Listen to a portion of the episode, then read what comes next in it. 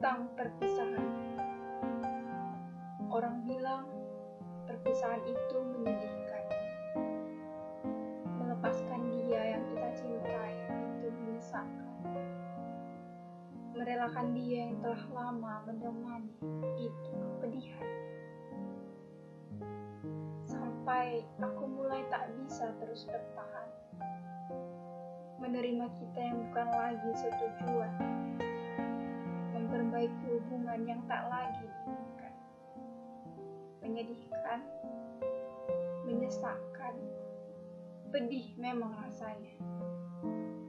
Tapi untuk apa aku bertahan? Untuk apa terus memperbaiki seorang diri? Sia-sia bukan? Aku sudah menyerah. Aku sudah lelah. Karena pada akhirnya, aku bukan wanita yang